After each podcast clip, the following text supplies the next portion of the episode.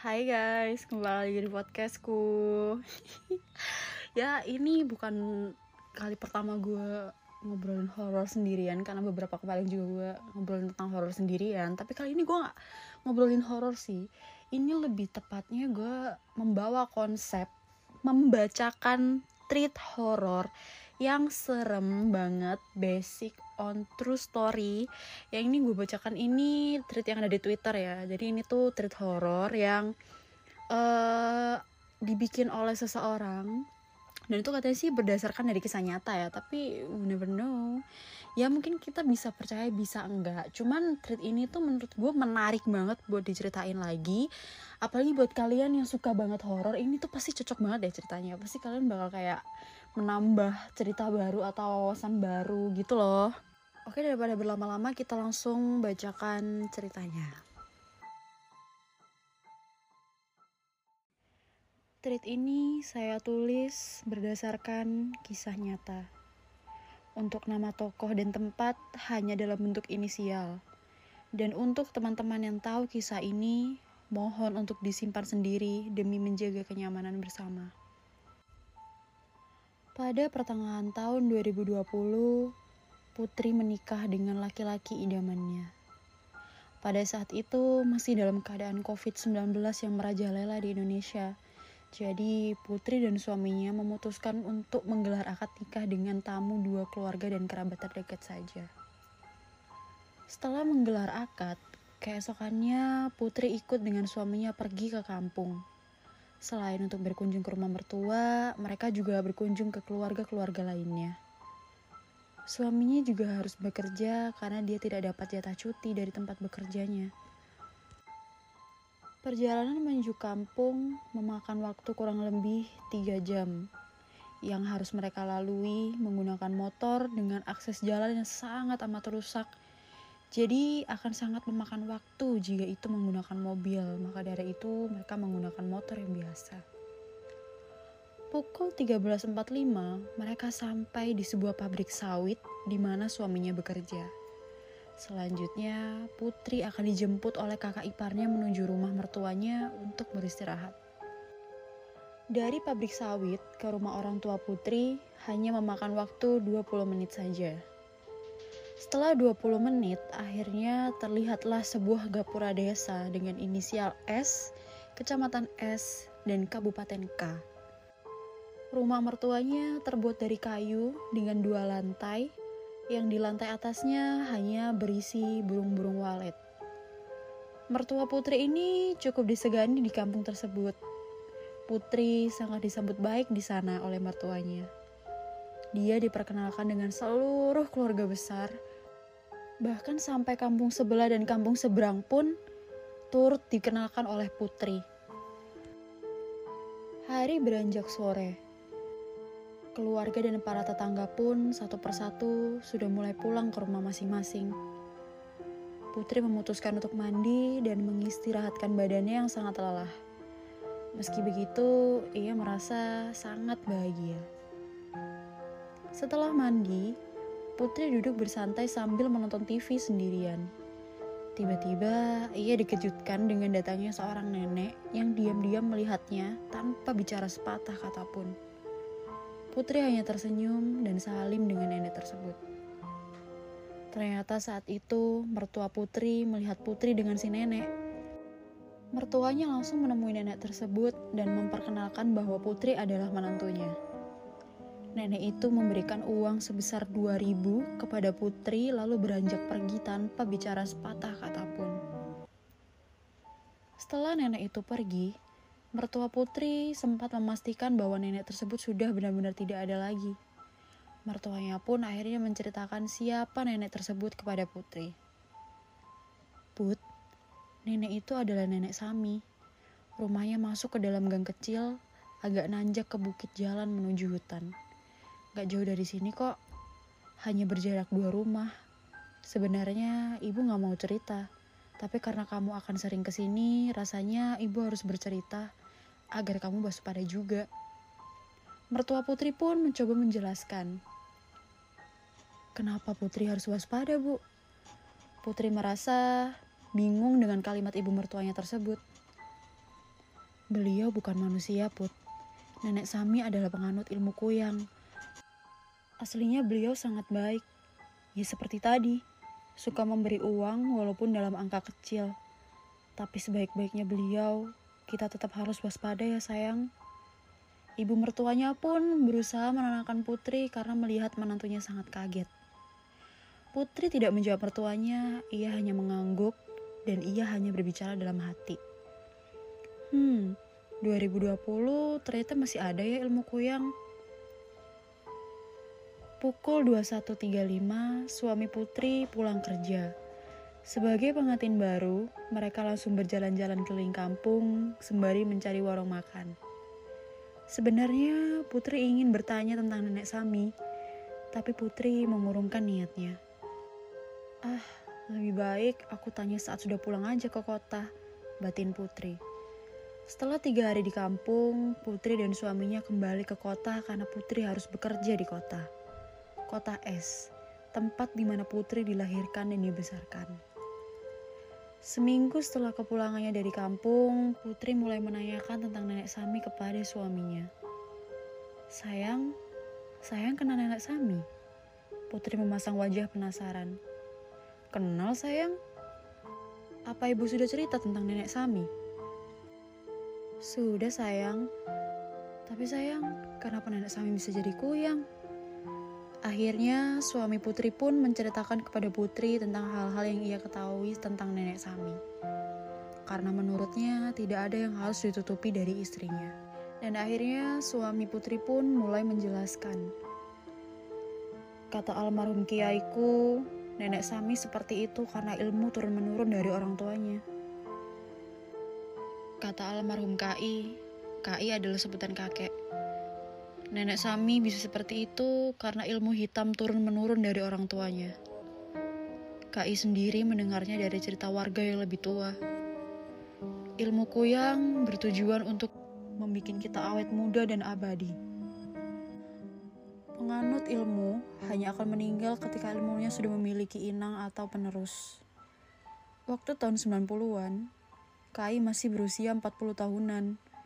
Sedangkan nenek Sami sudah seperti sekarang, berusia 70 sampai 80 tahunan. Saat Kai meninggal di tahun 2007, fisik nenek Sami tidak pernah berubah sama sekali. Bahkan sampai sekarang, fisiknya pun tidak ada perubahan sedikit pun. Tidak menua, pun tidak memuda. Suami putri pun menjelaskan sambil mengingat perkataan kainya dulu. Dan Putri pun menjawab, e, kalau tujuannya buat awet muda, lalu kenapa nenek Sami tidak muda? Putri semakin penasaran. Hmm, entah sayang.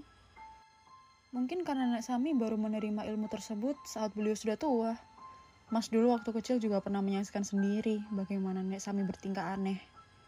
Waktu Mas masih kecil, Mas ingin pergi ke hutan bersama teman-teman Mas. Kami lewat rumah nenek Sami. Dan pada saat itu terdengar suara berisik dari dalam rumahnya.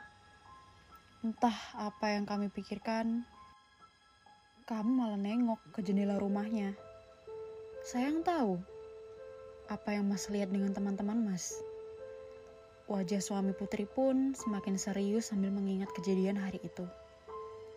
Emang apa sayang? Putri mulai cemas. Nenek Sami sedang merayap di dinding rumahnya. Merayap sampai ke plafon. Mas dan teman-teman Mas takut. Tapi seperti terhipnotis, kami terus melihat kejadian itu. Sampai akhirnya nenek Sami menyadari keberadaan kami. Mas dan teman-teman Mas akhirnya sadar dan lari kembali ke kampung. Suami putri pun menjelaskan ceritanya sambil bergidik ngari. Dan pada akhir tahun 2020, Putri dan suami kembali berkunjung ke rumah mertuanya.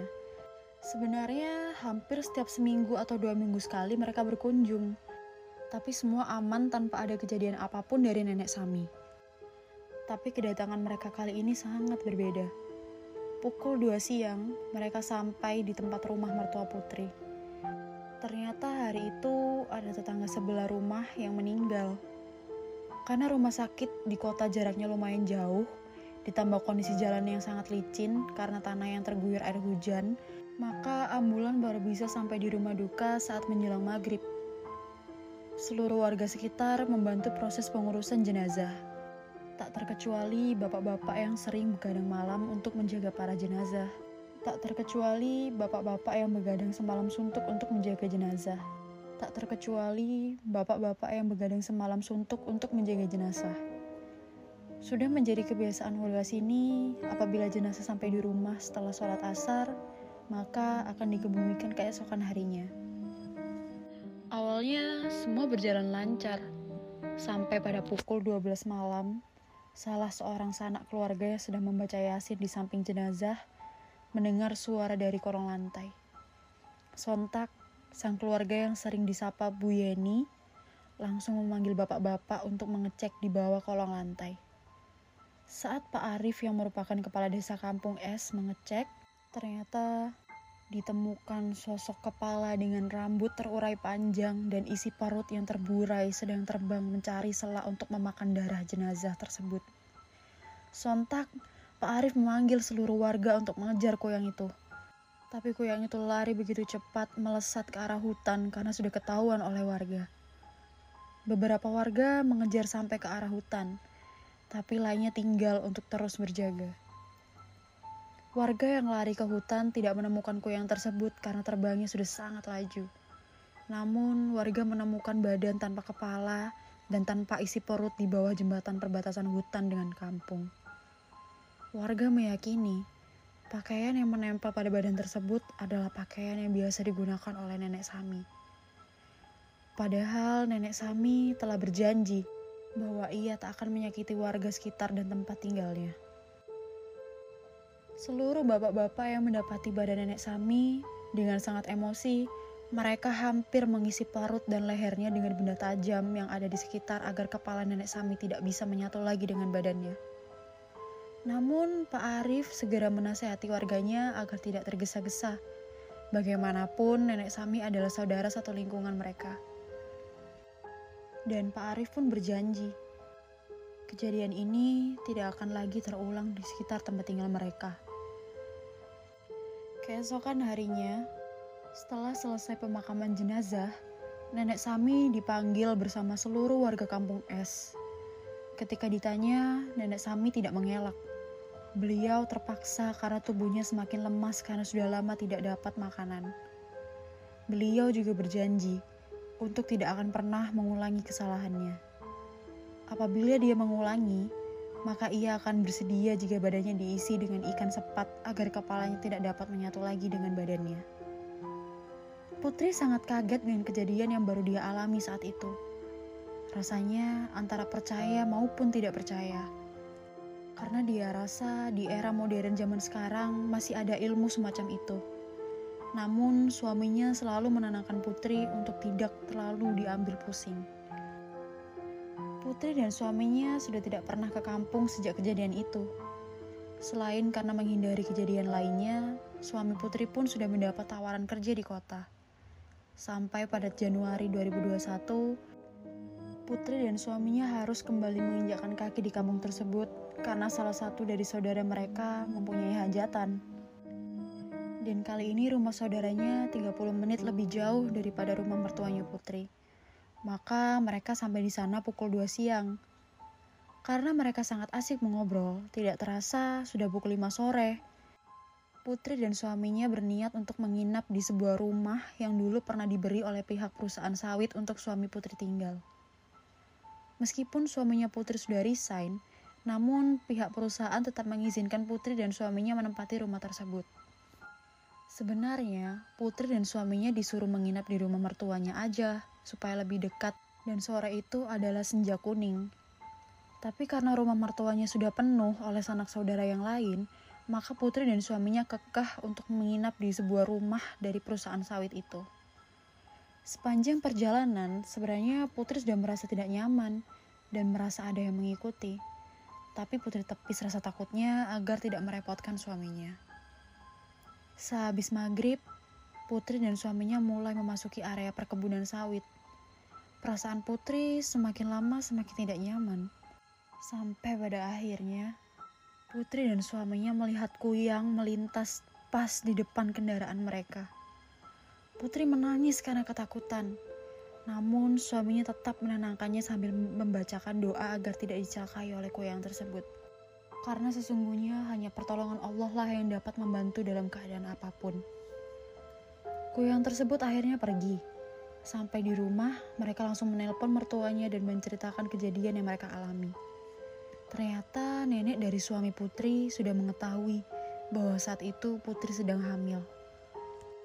Karena kehamilan Putri tidak ada gejala apa pun, makanya Putri tidak menyadari sama sekali bahwa dia sedang hamil. Sebenarnya nenek suami Putri sudah berniat mengambilkan bulu landak yang dipercaya untuk menangkal makhluk halus. Tapi Putri dan suaminya sudah lebih dulu pergi. Akhirnya pada malam itu, bapak, ibu, serta kakak ipar Putri menyusul mereka untuk menjaga Putri dan calon cucunya. Sejak kejadian malam itu, Putri sudah tidak pernah lagi pergi ke kampung karena ia lebih memilih untuk menjaga kandungannya. Ketika usia kandungan Putri memasuki tujuh bulan, Putri merengek kepada suaminya agar diajak pergi ke kampung. Putri sudah sangat rindu dengan suasana di sana. Akhirnya, setelah seminggu merengek, suaminya pun setuju untuk membawa Putri. Sesampainya di kampung, Putri sempat bertemu dengan nenek Sami Waktu itu nenek Sami hendak memegang perut putri tapi langsung ditepis oleh mertuanya. Konon katanya apabila perut ibu hamil yang diusap oleh nenek Sami, maka bayinya akan menghilang tanpa tanda-tanda. Putri sebenarnya tidak percaya dengan begituan, apalagi ia bekerja di fasilitas kesehatan. Baginya diagnosa medis jauh lebih masuk akal, namun ia tetap menghormati mertuanya. Kini setahun sudah Putri melahirkan gadis kecilnya. Sebenarnya Putri, suami, serta anaknya sebulan sekali selalu pergi ke kampung. Namun mereka tidak pernah lagi melihat nenek Sami.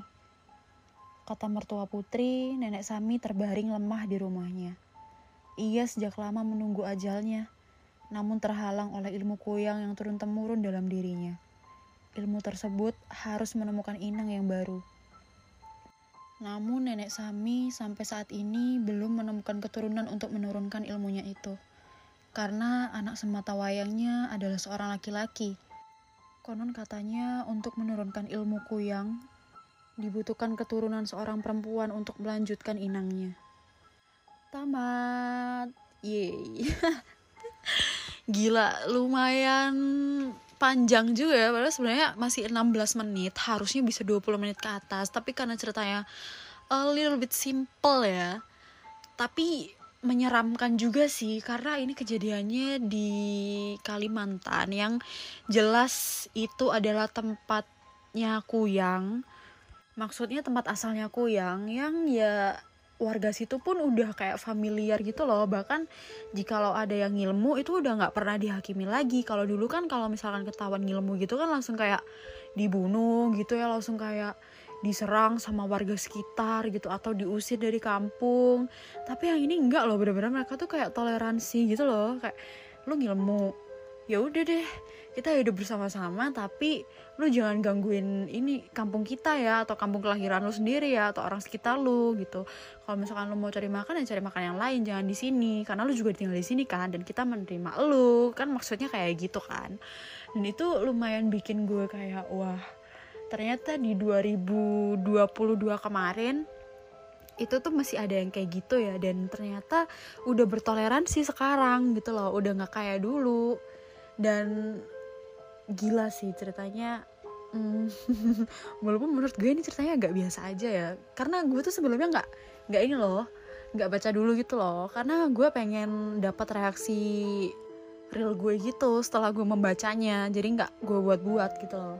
Dan ini menurut gue ya masih agak biasa gitu ya. Mungkin gue akan membacakan treat-treat lain yang lebih menyeramkan dan lebih apa ya lebih plot twist lah biar kita tuh kayak sama-sama tercengang gitu ketika dengarnya kayak wah gila ternyata ini tuh begini ya ternyata tuh begitu ya kayak itu akan lebih seru sih. Karena ini permulaan jadi ya udahlah kita terima aja ceritanya kita simpan untuk uh, pengalaman-pengalaman cerita horor kita aja gitu loh. Dan semoga gue bisa membawakannya dengan lebih baik lagi ya daripada sekarang. Dan kalau menurut kalian gimana nih ceritanya? Bagus atau biasa aja? Atau seru? Atau gimana? Ya tahu Oke, segitu dulu yang bisa gue sampaikan di episode kali ini. Semoga menghibur kalian dan jangan lupa dengerin episode-episode sebelumnya karena seru-seru banget. See you next episode. Bye bye semuanya.